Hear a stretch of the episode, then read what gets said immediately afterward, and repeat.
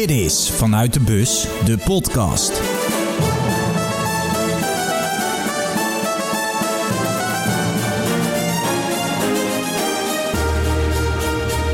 Dag 22 van Vanuit de Bus. Een thuiswedstrijd, want uh, ja, Broes stuurde het adres van degene waar ik nu ben. En ik kijk in mijn Google Maps en ik zie gewoon drie straten verderop. Dus veel, veel meer thuis dan dit kan ik niet zijn. Ik zit uh, tegenover een keeper, een oud keeper, die uh, op een EK heeft gespeeld. Meerdere EK's mee is geweest, volgens mij. En uh, het is Sander Westerveld. Goedemiddag. Goedemiddag. Dankjewel voor je gastvrijheid. Ja, geen probleem. Ik heb het altijd over ex-keeper. Nu voel ik me gelijk zo uh, oud. Oud, oud. keeper. oud. Voel je je nog steeds keeper? Nee, ja, dat zeker ja. Ja, want uh, toevallig zei ze laatst weer... Uh, mijn vrouw heeft een handje van... Het, als, ik ben van oktober en als, ik dan, als het dan januari is... dan zegt ze al van... Nou, je bent bijna jarig of je bent dan bijna... ja. ik, ik heb helemaal niks met leeftijd. Ik, ik voel me gewoon nog fit en jong. Ja. En mij maakt het niet uit of ik nou 46 ben of 53. En, nee. en ik voetbal nog steeds. Dus ik voetbal met de oudjes of met de ex voetballers dan. De ex-internationals, de, de legends van Liverpool. En, dus ik voel me nog echt een, uh, echt een keeper, ja. Ik zag toevallig vandaag een tweet, dat ging over leeftijd. En diegene zei van ja, waarom vinden oudere mensen het soms zo erg om hun leeftijd te benoemen? Want het is toch niet erg dat ze met dino's hebben geleefd. ik vond hem geestig en nu gaat het hierover. Ja, dus, uh, nee, dat klopt. Vond ik wel grappig. Nee, ik heb nee, echt maar helemaal ik niks helemaal met wat je bedoelt. Het gaat vooral hoe je, hoe je in je vel zit. Ja, nee, mij maakt het ook helemaal niet uit. Heel veel mensen zeggen van, oh jong, ik ben al uh, 40 of ik ben nou de, nou... En mij maakt het echt niet uit. Ik zeg het tegen nee. iedereen hoe oud ik ben. En uh, ja, mij ja. maakt het niet uit. Ik ben 46. Ja. En ik zeg het ook als ik 50 ben. Uh, ja, ik voel, me, ik voel me goed en ik voel ja. me jong. Dus uh, dat is het belangrijkste, denk ik. Nou ja, jij bent wel een van de... Ik zat daar vanmiddag aan na, over na te denken toen ik wist dat ik hierheen zou gaan. Um, een van de, van de mensen die vroeger boven mijn bed stonden. Omdat je. Het EK 2004 is het eerste toernooi dat ik echt bewust heb meegemaakt. Eigenlijk 2002. Het eerste doelpunt dat ik me kan herinneren is de openingsgoal van Senegal tegen Frankrijk. Van uh, Papa Bouba Diop. Ja. En uh, 2004 had je denk van die Albert Heijn poppetjes die je kon sparen. Klopt. En jij was natuurlijk één van de 23 in 2004, dus dat heb ik bewust meegemaakt. Ik was ook een van die spelers waar je er ook al honderdduizend van had, net zoals nu. Je, hebt ja, altijd, die je, je zoekt altijd je, die Frenkie de Jong en je, je, je, wilt eigenlijk die grote spelers en die kom je nooit tegen. Ja. Je krijgt altijd die net niet. Ja, nou, dat was ik. Was jij op het EK 2004, was je toen mee als tweede of derde? Ja, ja, ja. Nee, ja, goed, officieel zeiden ze nooit, uh, een, een, nee. noemden ze nooit een tweede of een derde. Uh, maar ik kwam achter Waterreus en advocaat was uh, trainer van, van Waterreus geweest bij Glasgow Rangers. Dus ik ja. had wel, ja, Waterreus was nummer twee en ik was nummer drie. Oké. Okay. En het EK 2000, heb jij gewoon wedstrijden gekiept, hè? Ja, 2000 kwam ik erbij. En wat ik zeg, ja, er werd voor de tijd niet gezegd van je bent nummer 1, 2, 3. Ja, nee. de 1 wel. Van der Sar was gewoon de 1. En, en dan, ja. Uh, ja goed, dus en, uh, ik weet nog wel dat Van der Sar geblesseerd raakte. En dan, uh, ja, tijdens de wedstrijd keek... Uh, Frank Rijk had de, de, de bank in. en ja, dan zit je wel even zenuwachtig te kijken van... nou, kijkt hij nou naar mij of kijkt hij nou naar de groei toen? Ja. En ja, dat was wel een opluchting toen hij voor mij koos. En ja, ik heb twee wedstrijden ben ik ingevallen omdat hij... de eerste wedstrijd was hij geblesseerd. Uh, de tweede wedstrijd nam hij geen risico, speelde ik de hele wedstrijd tegen ja. Frankrijk. En de derde wedstrijd uh, stonden we met 4-0 voor tegen Joegoslavië. En toen vond hij ook van, uh, nou ja, dan neem ik geen risico meer. En toen zei Van der Sar van, nou, dan laat ik de laatste, laatste half uur, 20 minuten laat ik weer voorbij gaan. Dus toen kon ik gelukkig ja, nog een keer spelen. Mooie ervaring, speciale ervaring op een EK spelen. Ja, dat zijn toch die dingen die... Uh, ja, iedereen heeft het altijd over uh, als, als droom als klein uh, jongetje. Dan wil je profvoetballer worden. Ja. Maar ja, je droomt niet dat je dan ja, de, de, de, in de voorbereiding bent... of dat je op trainingskamp op een bed ligt. Als jij droomt als voetballer, dan zie je jezelf ergens staan op het hoogste niveau. met die beker in je hand natuurlijk. En daar droom je van. En ja, dan is het Nederlands elftal op dat moment... Ik heb geen WK meegemaakt. Ik zat helaas bij die lichting die tegen Ierland verloor in 2002. Ja. Waardoor we Japan miste. Um, en ik 98 was ik net nog niet bij. Dus uh, ja, dat was voor mij het allerhoogste haalbare. En uh, ja, als je dan uh, in mag vallen en je speelt tegen Schmeichel... tegen Denemarken, je ja. wint met 3-0 en je, je, ja, je gaat shirtje wisselen met, met Schmeichel. Ja, dat zijn dingen die... ja, dat zijn hoogtepunten in je carrière.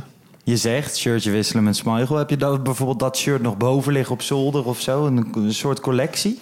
Ja, ik heb, uh, nou ja, ik heb, ik heb ook aan het programma meegedaan, shirtje ruilen. Ja. En uh, dat heeft me toch wel, ik had alles daarvoor, had ik in plastic bakken liggen in de kelder eigenlijk, allemaal opgestapeld. En eigenlijk toen uh, daarvoor ben ik een beetje gaan uitzoeken, want ja, helaas, ik heb er vijf jaar bij gezeten bij het Nederlands elftal, maar ik zat achter Van de Sar. Uh, ik heb maar zes wedstrijden gespeeld. En, ja. Uh, maar ja, ik heb wel uh, vijf jaar lang de, de, de, de shirts van de reservekeeper van Cyprus en de reservekeeper van Wit-Rusland. Ja. Dus die had ik ook allemaal nog. En nu heb ik alles uitgezocht. En ik moet eerlijk zeggen, ik heb ja, heel veel met alle respect voor al die keepers ja, weggegeven. En ik heb nog de shirts van Buffon, Casillas en, en, en Smeichel en dat soort jongens. En de speciale shirts, die ja. heb ik bewaard. Gruwelijk. Ik vind voetbalshirts en vaak ook keepershirts altijd uh, echt prachtig om te hebben. En zeker als die spelers dan ook nog erin hebben gespeeld, of tenminste erin ja. hebben gezeten, ja. is het helemaal bijzonder. Lijkt me ook wel bizar voor jou, om dan, uh, je hebt shirtje gereld ooit met Buffon. En je ziet die oude man nog steeds daar. Gaat nu weer bij Parma keepen. Ja, nee, maar dat is echt. Is, ja, ik moet eerlijk zeggen, ik was ook helemaal gek. Uh, en eigenlijk nog steeds. En daarom wil ik ook zo lang mogelijk nog door blijven voetballen, zolang het kan. Ja. Alleen, ja, ik heb een hele slechte knie. En daarvoor moest ik ook stoppen met voetbal. En nu kan ik uh, drie kwartier, kan ik, uh, dus ik kan één helft kan ik meevoetballen. En dan heb ik drie weken een dikke knie. dus ik kan ook niet met vrienden voetballen. En dat vind ik echt wel heel jammer. Mm -hmm. Alleen, uh, ja, ik, ik weet zeker dat als ik uh, gewoon fit was gebleven, dan uh, ja, Van der Sar die ging ook door tussen 42ste. Dan, ja. ja, dan had ik, ik heb zo lang mogelijk had ik door willen spelen. En ik, ik vind het echt heel jammer dat uh, mensen zo, zoals Kuit en Van Persie. En um, ja, die, eigenlijk zeggen van nou, ik wil nu stoppen, nu, nu ik het uh, beslis. Want ik wil niet hebben dat andere mensen voor mij beslissen. Maar ja. ja. ze weten pas wat ze missen als ze stoppen. En ik weet zeker dat ze nu uh, ook wel denken van nou ik had misschien nog wel een jaartje doorgekund. Of uh, ja, ik, ik, ik, heb liever dat ze tegen mij zeggen van nou, volgens mij uh, moet je het eind van het seizoen stoppen. Want uh, ja, je bent 46 en het gaat niet meer. Nou, dan stop ik wel. Maar ja, het is echt het mooiste wat er is. En ja. als je gestopt bent, dan zoals nou ook, je kijkt naar een vol Wembley, mooi veld. Ja, die, die spanning, die, die, die, die, die, die ontlading bij doelpunten. En ja, dat is echt het mooiste wat er is. Een bekende zwarte gat. Nee, ja, goed, het is niet, nee, niet echt zwarte gat, maar ik, uh, ik, doe, ik doe verschillende dingen. En uh, ja, het, het, het, makkelijkste voor voetballers is natuurlijk om, om trainer te worden. Alleen ik, ja, ik heb, uh, we hebben vier kinderen. En uh, ja, het is toch twintig jaar uh, van je leven heb je toch uh, ja, in een soort regime geleefd. En ja. met alle, kijk, niks negatiefs over, over, over profvoetballers zijn. Want het is echt een eenschakeling van mooie momenten. En zelfs de slechte momenten zijn mooi, een mooie ervaring. Maar ja, je mist toch het een en ander van je familie nog uh, vaak. En uh, ja, ik wilde gewoon eerst uh, met, een, met, met kleine kinderen, die wilde ik zien opgroeien. Ja. skivakanties, vakanties wanneer ik wil, weekendjes weg, kerstuitvoeringen. En nu gaan we naar de musical van, van mijn dochtertje bijvoorbeeld. Ja, en dat zijn dingen die, die miste je vroeger. En, dus ik wilde nooit trainer worden van een club. Um, dus ja, ik ben wel bij de KNVB verbonden, keeperstrainer bij de onder 17. Dus dan ben je een week en een maand bij druk. En dan ga je een toernooitje, dan heb je een EK en toernooi in Spanje een week. Dus ja, het mooiste is nog steeds dat je op het veld staat en helemaal naar een wedstrijd toe leeft. En uh, in de kleedkamer uh, en, en ja, de tactiek bedenkt, maar in ieder geval gewoon uh, ja, die ontlading bij, bij wedstrijden, ook die spanning nog op de bank. En ja, dat, dat, dat mis je wel. Dus de, ja, ja. wat dat betreft heb je een klein uh, zwart gat of misschien een, een kuiltje waar je invalt uh, als je stopt met voetbal. Uh, maar ja, goed, op een gegeven moment komen er andere mooie dingen op je bij, pad. Bij de KNVB zit je dan met Martijn Reuzer? Ja, Martijn Reuser die zit uh, eentje lager en hoger. Hij is uh, okay. bondscoach van onder 16 en uh, assistent van onder 19 volgens mij. elk jaar verandert dat. Uh, dus, uh, maar goed, daar heb ik bij Vitesse mee gevoetbald. Dus die kom ik vaak genoeg nog tegen. Dus, ja, uh, ik zag hem. Ik was eergisteren in Zeist rondom het ontslag van Frank de Boer. Ja. En toen zag ik hem ook weer lopen. En hij is eerder dit jaar bij ons in de Pantelich podcast geweest. Mooie, mooie vent. En ook gewoon als goos, je... Ja. Ik weet niet, het lijkt me heel erg leuk om met de jongste talenten... of jonge talenten van het Nederlandse voetbal te werken. Ja, dat klopt. Het zijn allemaal talenten, wat je zegt. En het is een beetje ja, geselecteerd op talent. En dus eigenlijk uh, ja, kun je ervan uitgaan dat bijvoorbeeld met de keepers, dat ik uh, van die leeftijd de, de, drie beste keepers heb. Ja. En ja, dan is het wel mooi om uh, ook een leeftijd te hebben waar mensen in ieder geval niet alleen tegen je opkijken, want het maakt me helemaal niet uit nee. wat ik bereikt heb of wel of niet, maar in ieder geval ehm, ja, iets van je aannemen nog. En niet dat het bijvoorbeeld, kijk, als je in het eerste speelt, als jij tegen Ibrahimovic, als je daar de trainer bent, ja, dan zit je misschien elke dag in een conflict. En ja. dus dit is nog echt iets waarvan ja, ze nemen echt iets van je aan. En je ziet ook dat ze, je ziet ze ook groeien. Want het is een leeftijd waar ja, heel veel uh, groei in zit. En uh, op een gegeven moment ben je 18, 19, 20 en dan zie je van nou, ze hebben alles technisch zijn ze bijna volmaakt en dan is het fitheid en tactiek. En, maar ja, net die leeftijd daaronder zie je gewoon jongens die echt wekelijks echt beter worden. En als je dan een paar dingetjes aangeeft en uh, ja, je ziet ze verbeteren, eigenlijk, dat is, ja, dat is wel geweldig om te zien. Ja, ik heb altijd het gevoel dat er bij keepers of zo op een, een of andere manier. ze noemen het altijd een beetje gek volk, hè, tussen, tussen haakjes. Een, een klein team binnen het grote geheel. Uh, bij keepers kan je de ontwikkeling ook altijd heel mooi zien. Nog zichtbaarder dan bij een speler. Dat lijkt me als trainer, geeft dat ook veel voldoening. Nee, dat klopt. Wat ik zeg, kijk, alles uh, alleen al fysiek bijvoorbeeld. Uh, je ziet uh, jongens die een doeltrap nemen en ja, die komen bijna de 16e uit. maar gewoon omdat ze fysiek nog niet helemaal. Ja. En dan gaan ze echt, ja, dan willen ze technisch trainen. En dan, nou, dan weet je gewoon van, wacht maar, als jij straks 17, 18 bent, dan ben je wat sterker. En dan schiet je die bal wat makkelijker en dan gaat het allemaal vanzelf.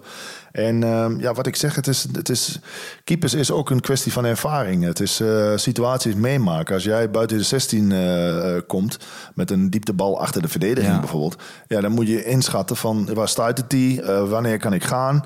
En als je er voor het eerst hebt, ja, dan, dan, loop je onder de bal door. Of je komt te laat of je komt te vroeg. En als je dat drie keer of vier keer hebt gehad. En, en, en, en tien keer en twintig keer. En dan in de training. Ja, op een gegeven moment hoef je er niet bij na te denken. En dan gaat nee. alles vanzelf. En ja, dat is ervaring. En ja, dat heb je vooral op, op, op die leeftijd hebben ze weinig meegemaakt. Ja. En als je dan die ervaring in ieder geval kan voortzetten door positioneel bijvoorbeeld uh, jongens dingetjes aan te geven van doe dit. En uh, als een, uh, een, verdediger of een aanvaller die komt naar binnen, dat je dan tegen de verdediger zegt van ga niet instappen, maar blijf met je benen dicht. Want dan kan ik een stapje naar rechts maken. Dus dan kan hij niet meer in die korte hoek en dat soort dingetjes. En als je dat dan ziet dat het in de wedstrijd in één keer gebeurt. En dat zijn dingetjes die kun je gewoon gelijk oppakken. En die kun je gelijk, ja, dat zie je gelijk resultaat. En dat is wel, dat is wel heel mooi. Ja. Ik zat vanochtend uh, The Athletic te lezen. Jij hebt natuurlijk een eindtoernooi meegemaakt. En daar stond een heel mooi artikel. Mocht je het niet gelezen hebben, ga het zeker lezen. Um, over Frankrijk en wat daar achter de schermen de afgelopen weken is gebeurd. Bijvoorbeeld de moeder van Rabiot heeft ruzie met de vader van Mbappé en zo. En dat er heel veel kleine conflicten op de achtergrond zaten. Ja. In uh, 2000 hadden jullie een vrij goed toernooi. Nou ja, tegen Italië eruit na penalties. Ja. Dat, uh, dat kan natuurlijk gebeuren. Maar hoe belangrijk is het dat als je zoveel weken bij elkaar zit, uh, dat het team klopt, dat de sfeer goed is, dat de chemie daar is. Ja, dat is heel moeilijk is dat eigenlijk. Want uh, kijk, je hoeft niet allemaal vrienden van elkaar te zijn. Maar ja, het, het maakt het wel makkelijker als je allemaal door één deur met elkaar komen ja. kunt. En, en je je niet verveelt of ja, je, ja, je bent met iets bezig. Je wil gewoon die beker winnen. Dus het voetbal en de wedstrijden zijn het allerbelangrijkste. Alleen, ja, je moet niet ver, uh, vergeten dat je ongeveer zes weken weg bent gewoon. Nee. Van uh, familie en vrienden. En je zit in een hotel met elkaar. Ja, als je dan uh, elke dag bij elkaar op de, op de lip zit. Vroeger zaten we altijd met z'n tweeën op een kamer. Ja. Uh, ja, dan moest je ook een beetje geluk hebben met, met je kamergenoot. Uh, toen hebben ze dat in mijn tijd al afgeschaft en gaven ze iedereen een eigen kamer. Um, gewoon omdat je dan zo lang bij elkaar zit. Ja, dan heb je in ieder geval op je kamer eventjes wat rust. En ben je eventjes alleen. Maar ja, die conflicten, soms hebben ze het over van... ja, die conflicten die brengt je weer bij, dichter, dichter, bij elkaar. Bij elkaar. En zoals nou ook Bappé met Giroud... Ja, ja dan heb je toch zoiets van, ja, dan loop je één tegen één op de keeper af in, de, in de finale. En je staat 0-0 en het is de negentigste minuut. Ja, dan zie je Giroud en dan, ja, nou goed, het is makkelijk als dat je vriend is die je wat gunt.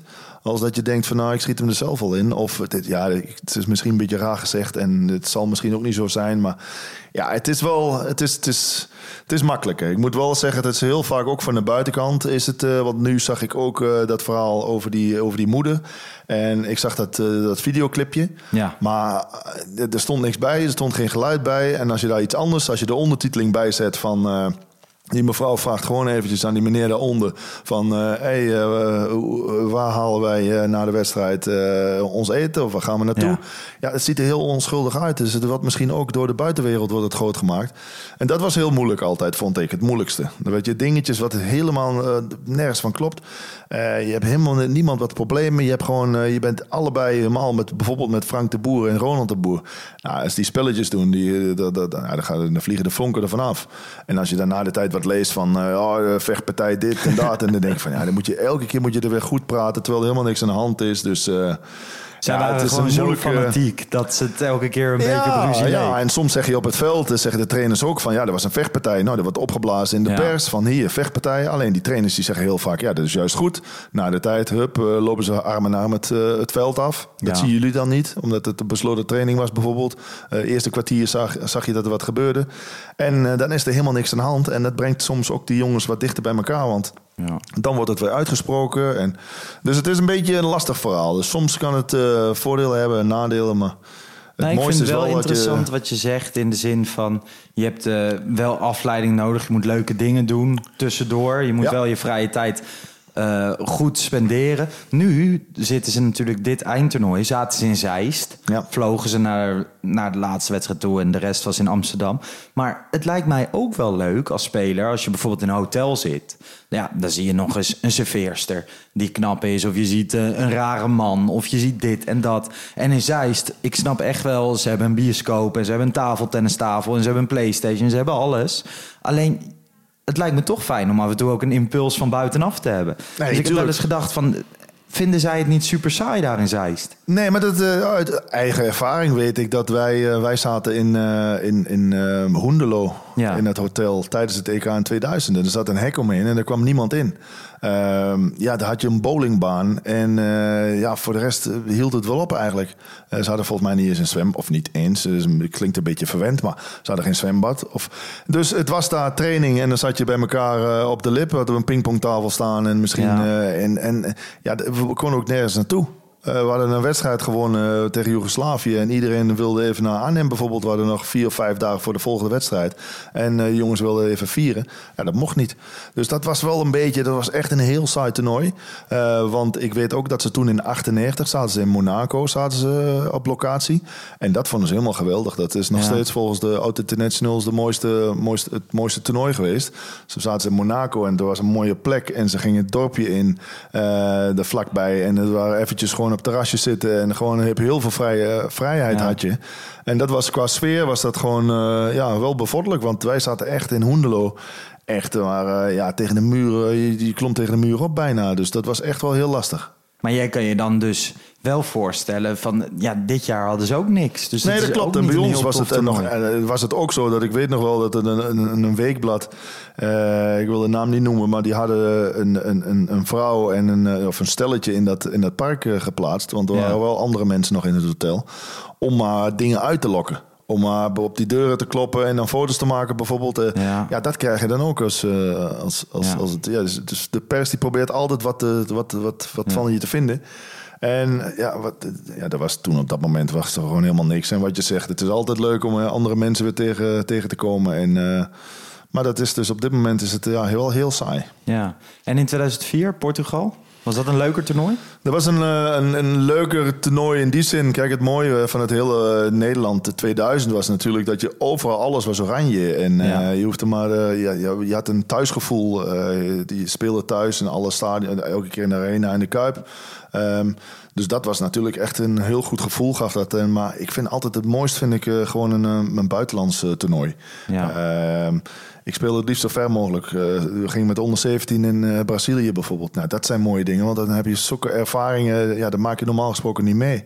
En uh, Portugal was wat dat betreft ja, een geweldig hotel. we vlogen naar elke wedstrijd, maar ja, de faciliteiten waren top. Alleen ja, je was van alles te doen. Je zat vlak bij het strand.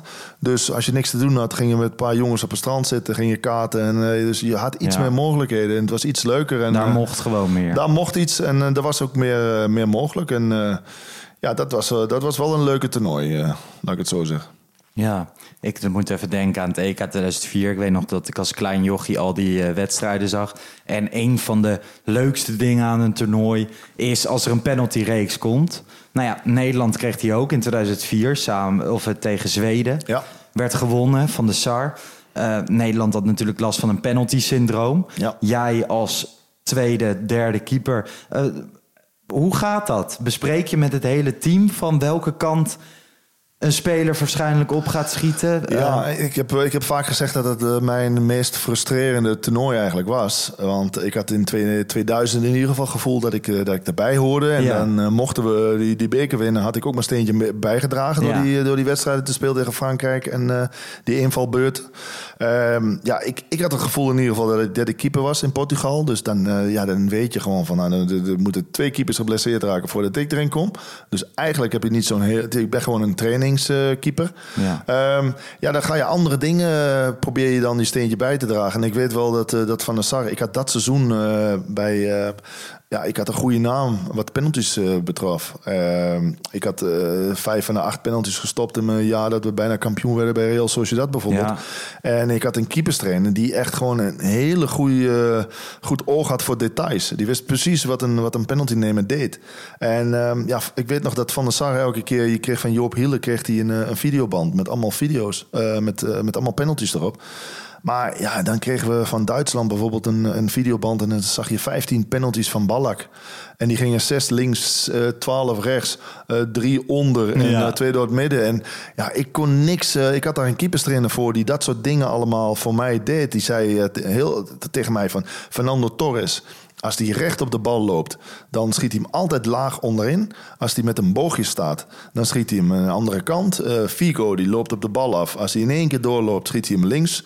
Als hij eh, zo stopt halverwege, dan wacht hij op het laatst en dan schiet hij met de binnenkant daar. Ja, en dat was gewoon geweldig, want je zag aan de aanloop al en dan zat je te kijken en dan kon je door die details kon je al zien van dit gaat er gebeuren. En dat gebeurde toen ook. En daardoor stopte ik ook eh, die penalties. Alleen ik had nu echt het gevoel van ja, ik, ik zag 15 penalties van Ballack. Ja, ze gingen links, rechts, boven. En ik had echt zo'n gevoel. En ik moest elke keer tegen Sar zeggen van... Ja, sorry. ehm, ja, ik, ik, ik weet het niet. En eh, ja, dit was eigenlijk een beetje... Was dit geluk. Ik weet wel dat Van der Sar... eh, volgens mij was het Frank de Boer. Eh, hij stopte de penalty of van Slatan... of in ieder geval van een speler... Die, die Frank de Boer tegen hem zei van... nou, die, hij speelde hem altijd daar. Maar dat was wel een van de, ja, van de weinigen eigenlijk waarvan we het wisten. En voor de rest was het een beetje puur geluk. Wat bizar eigenlijk. Want inderdaad, als je naar de NOS kijkt en dan komt een penalty, dan krijg je ook wel eens zo'n goaltje links onderin. En dan zie je Ja. inderdaad zes naar links, zeven naar rechts en drie door het midden. Succes. Dat je echt denkt van, maar dus dat ik altijd denk van, ja, hoe bereid je dan voor? Maar wat jij vertelt inderdaad, in de manier van aanlopen en zo, daar kan je natuurlijk heel veel in terugzien. Ja, je ziet eh, bijvoorbeeld die eh Bruno Fernandes of eh, die hebben allemaal tegenwoordig van die penalties en Ja. dan gaan ze in de lucht springen net voordat ze springen. Alleen ja, dat is, dan, dan denk je toch ook als je keeper bent van hij springt omhoog en op het moment dat hij neerkomt, ja, dan kun je bijna eigenlijk geen kracht meer zetten. Dus dan is het gewoon links en rechts in de hoek. Dan wacht hij gewoon tot die keeper duikt. En dan schiet hij met een andere hoek. Je ziet zo vaak die keepers de verkeerde kant in Ja. duiken. Eh, nu zag je bij de, de penalty-serie met Frankrijk... zag ik één keer bijvoorbeeld heel goed... eh, dat die Jor- Joris, die probeerde wat anders. Die bleef staan en die ging reageren. En dat was die penalty, misschien herinner je je wel... die ging vol op zijn hand bijna, Ja. eh, rechts van hem. En je zag gewoon dat hij heel lang wachtte. En hij wachtte totdat hij schoot. En hij dacht van, als ik nou op mijn reflex eh, gok... Ja. als er een slechte penalty is, dan eh, met die reflex kan ik hem... En ik denk dat ze dat veel vaker moeten doen. En vroeger had je Kieprits, die wachtte op de keeper. En dan schoot hij met een andere hoek. En iedereen die wachtte net niet lang genoeg. Maar ja, als je dus wel lang genoeg wacht, ook met die Fernandes, dan is het heel vaak. Dus dat zijn die details waar je wel of niet een penalty kunt pakken. En Jorie eh, pakte deze net niet. Hè? Die was, nee, dat hij ging, net hij ging net iets te ver. Ja, dus hij, eh, maar maar, het was wel een goede reflex. Als hij niet goed was ingeschoten, dan had hij hem gehad. Ja, en je ziet eh, van die team penalties, als je dat ziet. Tegenwoordig, ja, de laatste penalty-series trouwens, als je het over Villarreal hebt tegen Manchester United, waren geweldige penalties. Ja. Maar er zit er altijd wel eentje bij. Kijk maar naar Nederland, die penalty-serie in 2000, of in 98 zelfs. Eh, of zelfs in 96, of je kunt elk jaar uh, opnoemen. Ja. Uh, Seedorf in 96. nou, Frank de Boer tegen Toldo in, de, in de penalty-serie. Niet in de wedstrijd, want dat was best nog wel een goeie. Maar die ging ook bijna, bijna door het midden. dus ja, heel vaak schieten, heb je toch altijd al één of twee slechte penalties ertussen zitten. En als je dan gewoon heel, heel lang wacht en nog gokt op je reflex... Ja, dan kun je misschien wel, wel wat doen.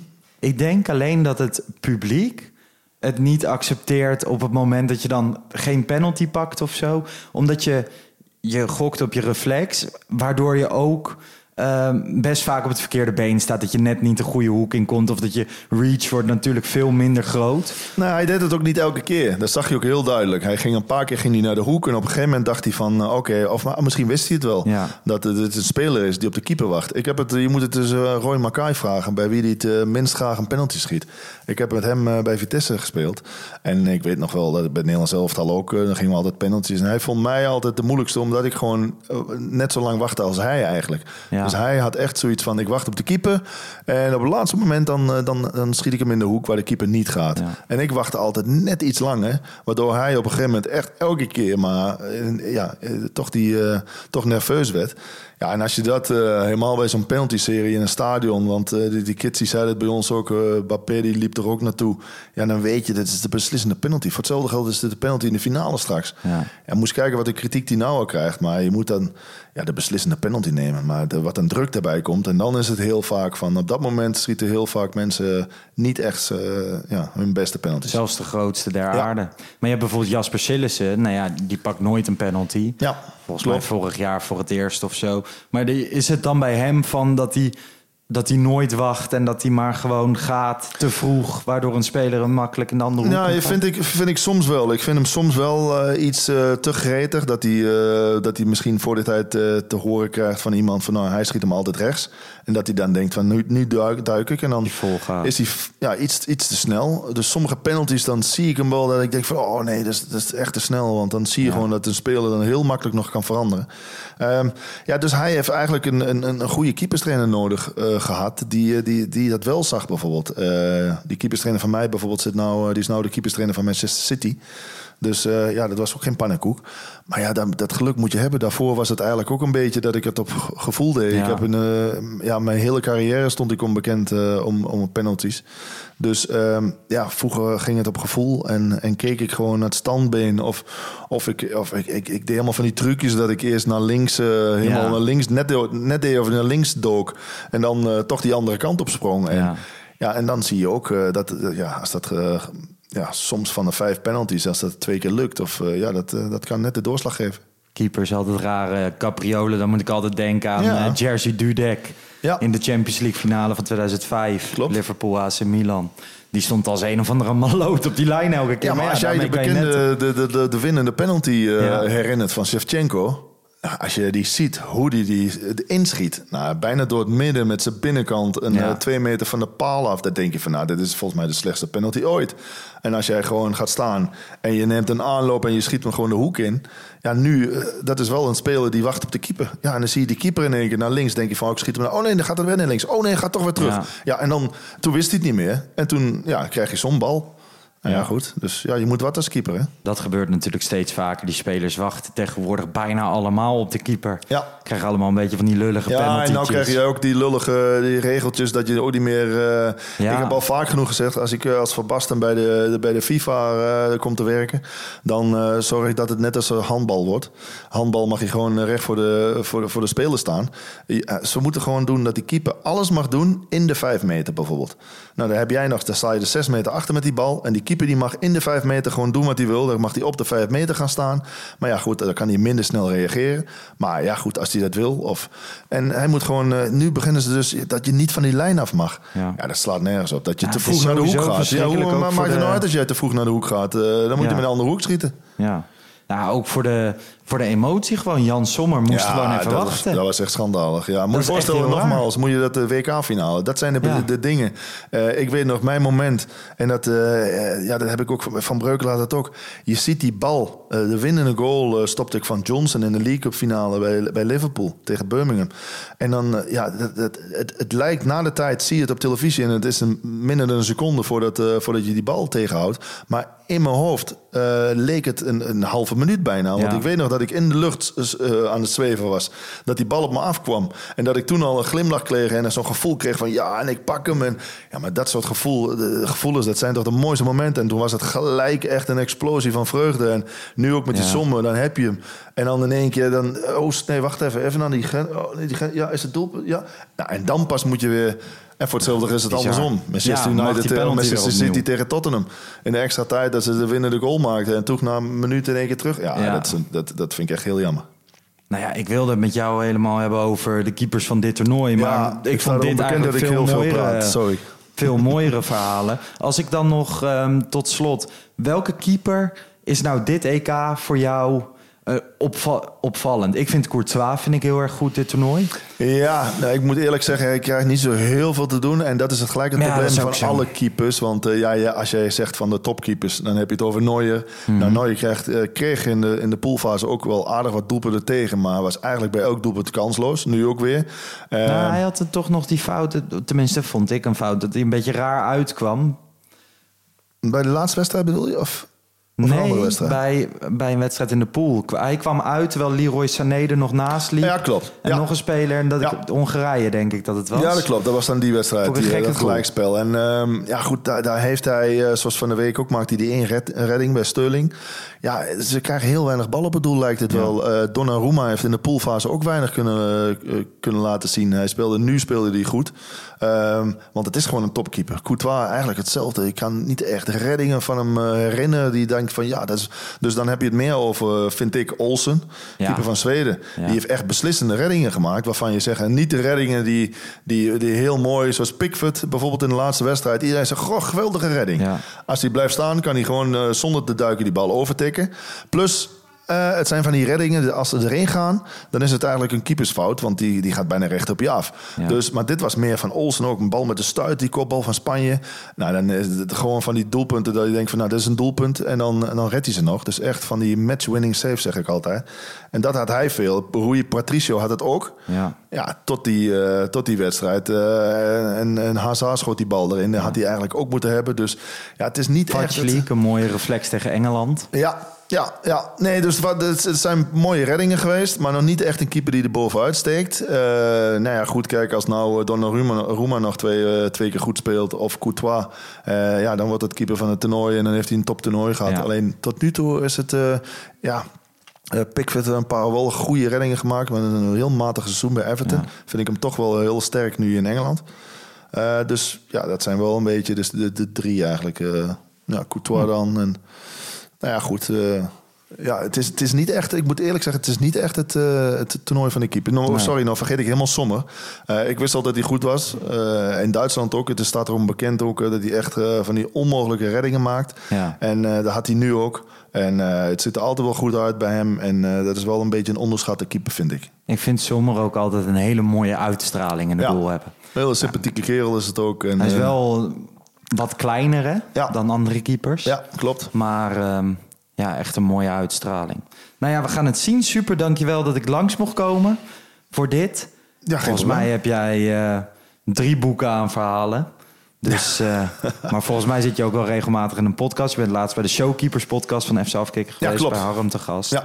Dus eh, wil je meer over keepers horen, ga dan naar de Showkeepers podcast. En ehm, ja, bedankt voor het luisteren. En tot morgen. Bis morgen. Ciao.